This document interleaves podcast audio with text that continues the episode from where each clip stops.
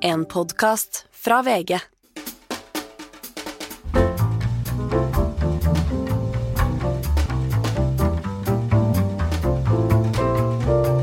Hei, i dag har jeg hatt besøk av Karen Anna Eggen. eh, En av Norges yngste og faktisk fremste russlandsforskere. Som har særlig interesse for hvordan Russland bruker ikke-militære virkemidler i konflikt. Vi snakker bl.a. om hvorvidt Norge er forberedt på det som kommer, om forholdet mellom Norge og Russland, om hva vi risikerer i den nærmeste tiden fremover. Dette er en liten smakebit. Du kan høre resten på VG pluss eller Podme. Eh, Så da vil jeg bare si god helg, alle sammen. Hvis du ser hvordan store deler av Europa har gjort seg avhengig av russisk gass, har det vært også en målrettet strategi fra Russlands side å på en måte gjøre oss, eller andre deler av Europa, eh, avhengig, og har Europa i den fasen på en måte normalisert russisk oppførsel og ikke tatt på alvor oppførselen til eh, Russland gjennom disse siste åtte årene? Ja.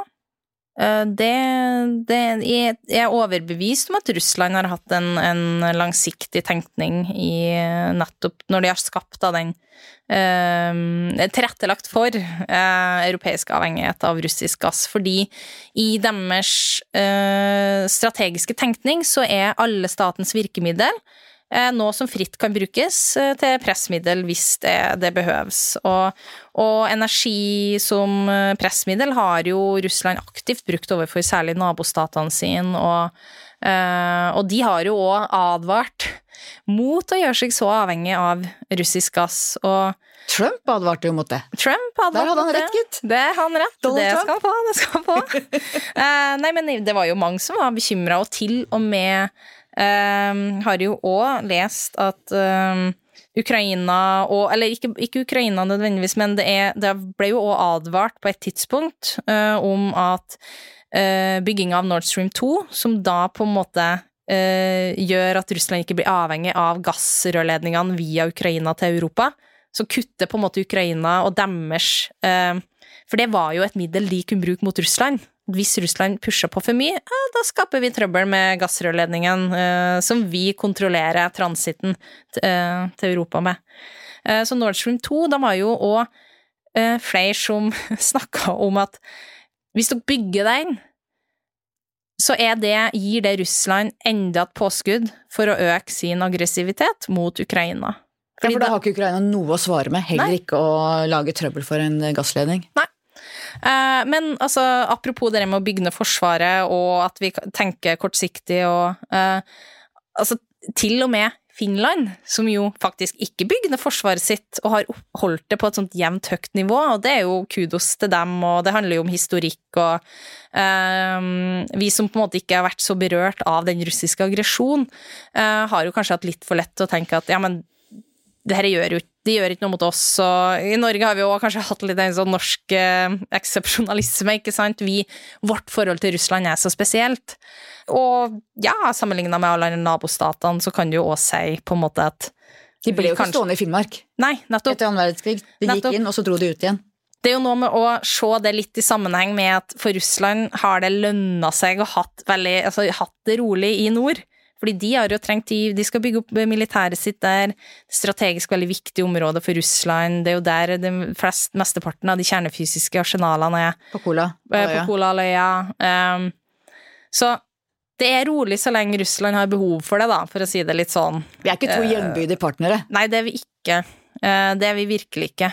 Og, eh, men, eh, men ja, eh, poenget var egentlig at til og med i Finland, hvor du har eh, Du bygde ikke ned Forsvaret. Til og med der har du jo fremtredende politikere um, som var ute og sa at ja, men, nei, men vi kan bygge Nord Stream 2. Det er viktig å skille politikk og økonomi.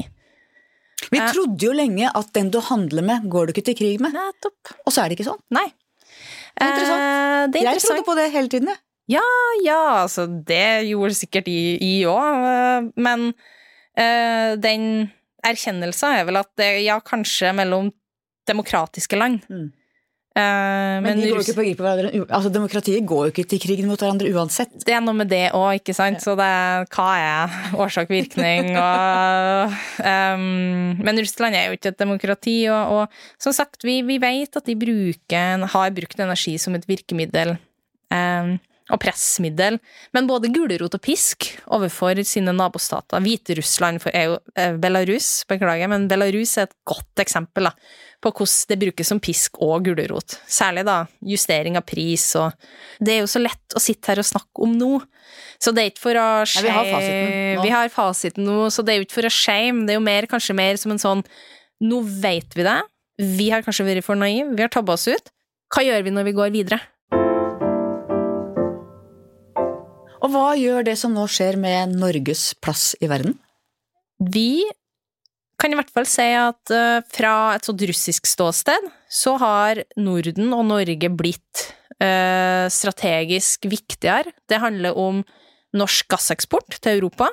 Uh, hvor vi jo over natta nesten ble den ledende gasseksportøren til, til Europa. Og så Eh, er det jo så klart eh, Finland og Sverige og deres eh, søknad, Nato-medlemskapssøknad. Og de er jo med i EU begge to, så nå blir de med i mm. både EU og Nato. Vi er bare med i Nato. Mener du vi bør bli medlem i EU også? Vil det gjøre oss tryggere? Altså, Norge er jo på alle vis en del av det europeiske fellesskapet. Ja, Vi er ikke ordentlig del av familien. Nei, eh, så klart. Vi, vi, vi ville jo kunne slått hardere i bordet, og nå det er jo En kan jo snakke om at eh, det er problematisk at en tar imot alle de her ulike direktivene, og uten at en har liksom noe reelt å si i, i Brussel. Men det er jo så klart uh, Norge blir jo den eneste som ikke er med på en måte både i Nato og EU. Men Kanskje det er det på tide med en ny EU-debatt. Eh, e vi er jo min generasjon, og vi er mange som på en måte ikke har vært med og, og, og sagt, uh, sagt hva vi mener om saken. Uh, uten at de sier om jeg er for eller mot, for det, det er jo Som forsker skal han jo være nøytral. Men jeg, tenker, men jeg tenker jo, det overrasker jeg sikkert ikke, men jeg tenker jo at det, det sikkerhetspolitiske argumentene for norsk EU-medlemskap er akkurat nå veldig sterke. Og jeg er helt enig med deg at de, din generasjon, eller de unge som ikke stemte i 94, de må også få en mulighet til å si sitt om norsk mm. tilknytning. og Derfor syns jeg det er veldig synd at vi har det er ingen politiske ledere, det er Venstre som er litt utpå, men ingen av de store partiene. Arbeiderpartiet gjør det ikke. Høyre har vedtatt det, men Erna mm. Solberg er egentlig litt mot. Det er ingen som driver denne debatten nå. Og de er redde for å tape, tror jeg en gang til. Redde mm. for å være førende, og det syns jeg er ganske feigt.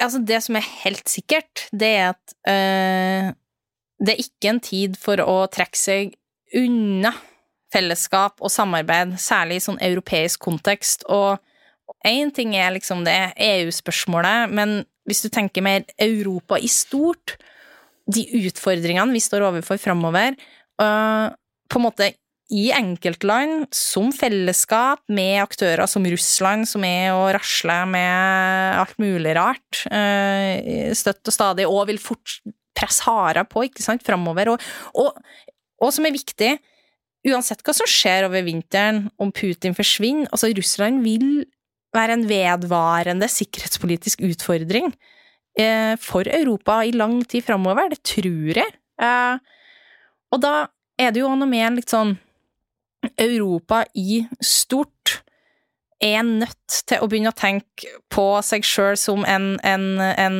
sikkerhetspolitisk aktør. Fordi det er jo faktisk ikke sikkert på sikt at USA kan være den eh, garantisten. Veldig Vi vet ikke hvordan ting utvikler seg i USA, men det er jo en del urovekkende trekk der òg. Absolutt. Um, og da tenker jeg sånn vi må trygge oss sjøl. Trygge oss sjøl, uh, og, og søke på en måte styrke og fellesskap da, i hverandre. Uh, så det er i hvert fall ikke, jeg tenker i hvert fall ikke det er et alternativ å trekke seg ut fra fellesskapet. Uh, det er kanskje hovedsvaret mitt, da.